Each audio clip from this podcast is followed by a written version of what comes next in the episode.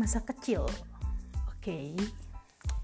Jadi hari ini aku mau cerita nih tentang masa kecil aku zaman-zaman Belanda. Bukan dong.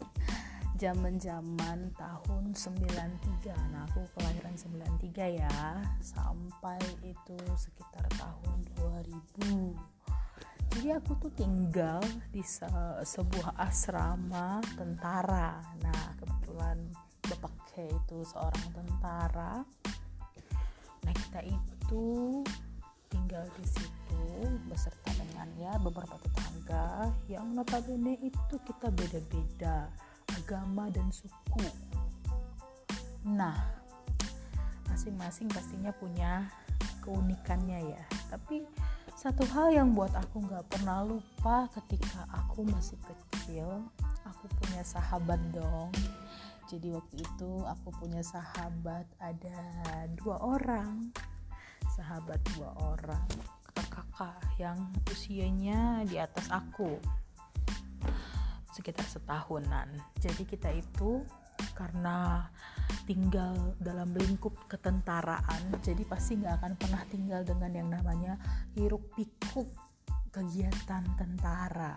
Dari mulai uh, acara 17-an hari ulang tahun tentara sampai acara uh, pahlawan sampai juga ke acara tahun baru kita tuh pasti ngerayainnya bareng-bareng.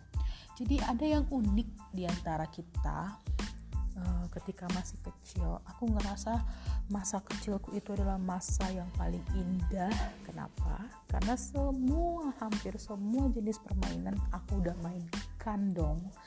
Jadi kita itu bisa dibilang hmm, dari mulai yang tradisional sampai yang modern itu semua kita mainkan permainan. Dan yang paling penting di situ pure permainan itu untuk anak-anak. Bahkan bila pun ada yang dewasa mereka tuh akan ikut dengan kita untuk permainan anak-anak. Nah biasanya karena kakak-kakakku itu punya teman sepantaran juga nah biasanya kita tuh ikut gabung dengan mereka main.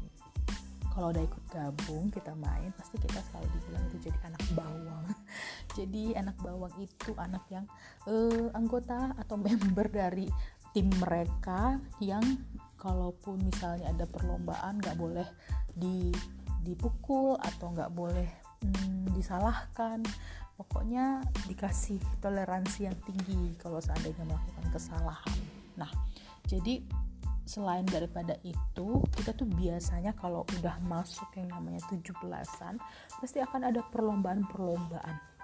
Lah kalau tentara pasti perlombaannya itu sangat besar dan meriah karena betul-betul merayakan tentang kemerdekaan ya kan? Secara bokap kita tentara pastinya. Sangat-sangat uh, menjunjung tinggi yang namanya persaudaraan dan uh, arti kemerdekaan itu sendiri. Nah jadi kita itu rame-rame bakal uh, mempersiapkan diri mulai dari perlombaan membersihkan rumah rumah siapa yang paling bersih dan siapa yang paling kotor sampai kepada perlombaan seperti ya panjat pinang, makan kerupuk dan lain-lain dan semua anak-anak di situ mempersiapkan timnya masing-masing termasuklah asrama atau lokasi di mana kami tinggal pada saat itu. Nah, jadi karena berhubung lokasi kami ini cuman paling ada sekitar 15 kakak atau 15 rumah. Yang notabene rata-rata semuanya anak-anak punya anak-anak. Jadi kita itu pasti mempersiapkan uh, dengan sangat matang. Sampai ada itu perlombaan perlombaan nari. Jadi pada saat itu kalau lagi booming itu adalah nari-nari India kucing kucing hotahe. Nah itu sampai bakal pakai kostum tuh. Aku ingat banget jadi juga ada itu sampai trio-trio dangdut. Aduh aku ikut dong di dalamnya.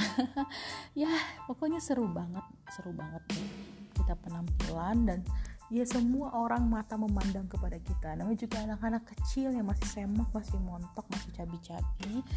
Terus kita joget-joget India perut udel kita itu kelihatan. Nah gimana dong uh, orang tua orang tua ngelihat pasti gemes banget ya kan nah kira-kira begitu. Jadi waktu dulu itu kita pasti sudah dikenal dong sama orang-orang. Bahkan ya namanya juga di situ lokasi daerah tentara ya. Jadi banyak juga yang lajang-lajang tuh yang belum menikah. Nah mereka pasti juga ngeliatin kita. Mereka juga pasti kenal. Bahkan sampai hari ini tuh kita masih berkomunikasi dengan baik dengan mereka semua. Nah guys jadi apa yang mau aku ceritakan? Kenapa masa kecil itu menjadi sangat menyenangkan? Karena ternyata setelah gede begini setelah dewasa begini di usia 20, 27 tahun ini aku baru sadar ternyata hmm, punya temen sepantaran itu waktu kecil itu seperti sebuah anugerah ya sebuah uh, ya ya harus disyukuri karena meskipun kita kadang mau berantem berantem tuh guys mau berantem tapi berantem kita tuh nggak pernah lebih dari berhari-hari pasti kita akan cepat langsung melupakan atau memaafkan.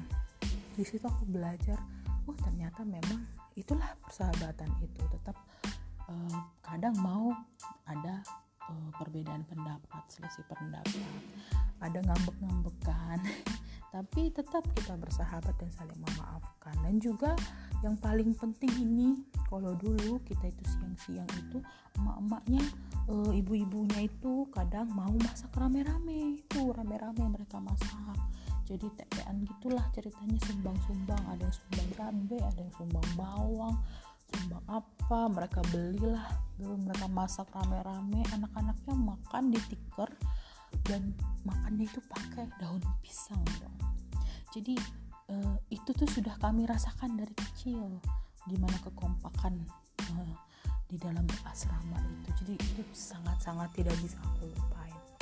Ya bahagia. Bahagia banget.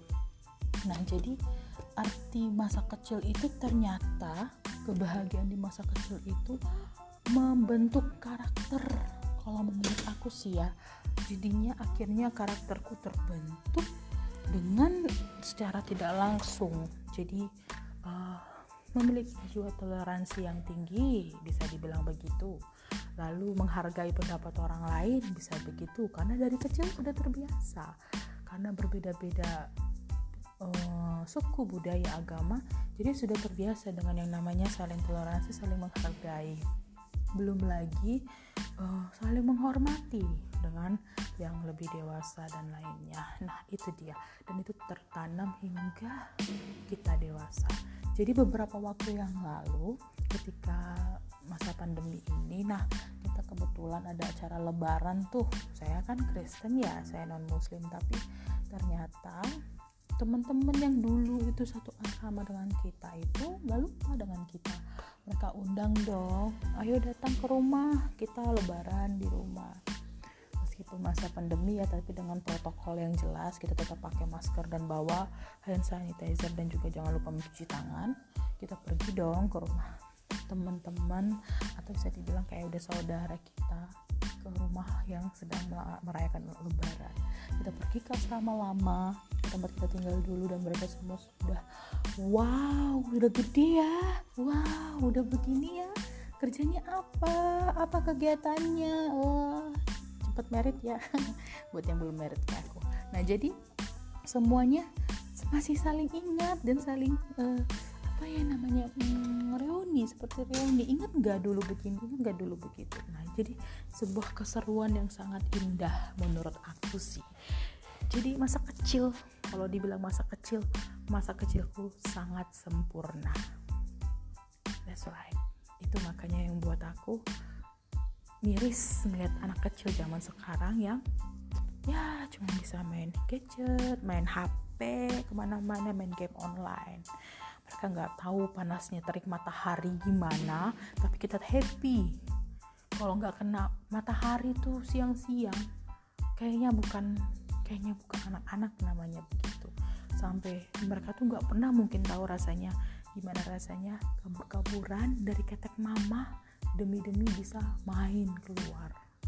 Dulu aku begitu udah disuruh tidur tidur siang akunya kabur. Sudah dibekem tuh sama mama diketekin.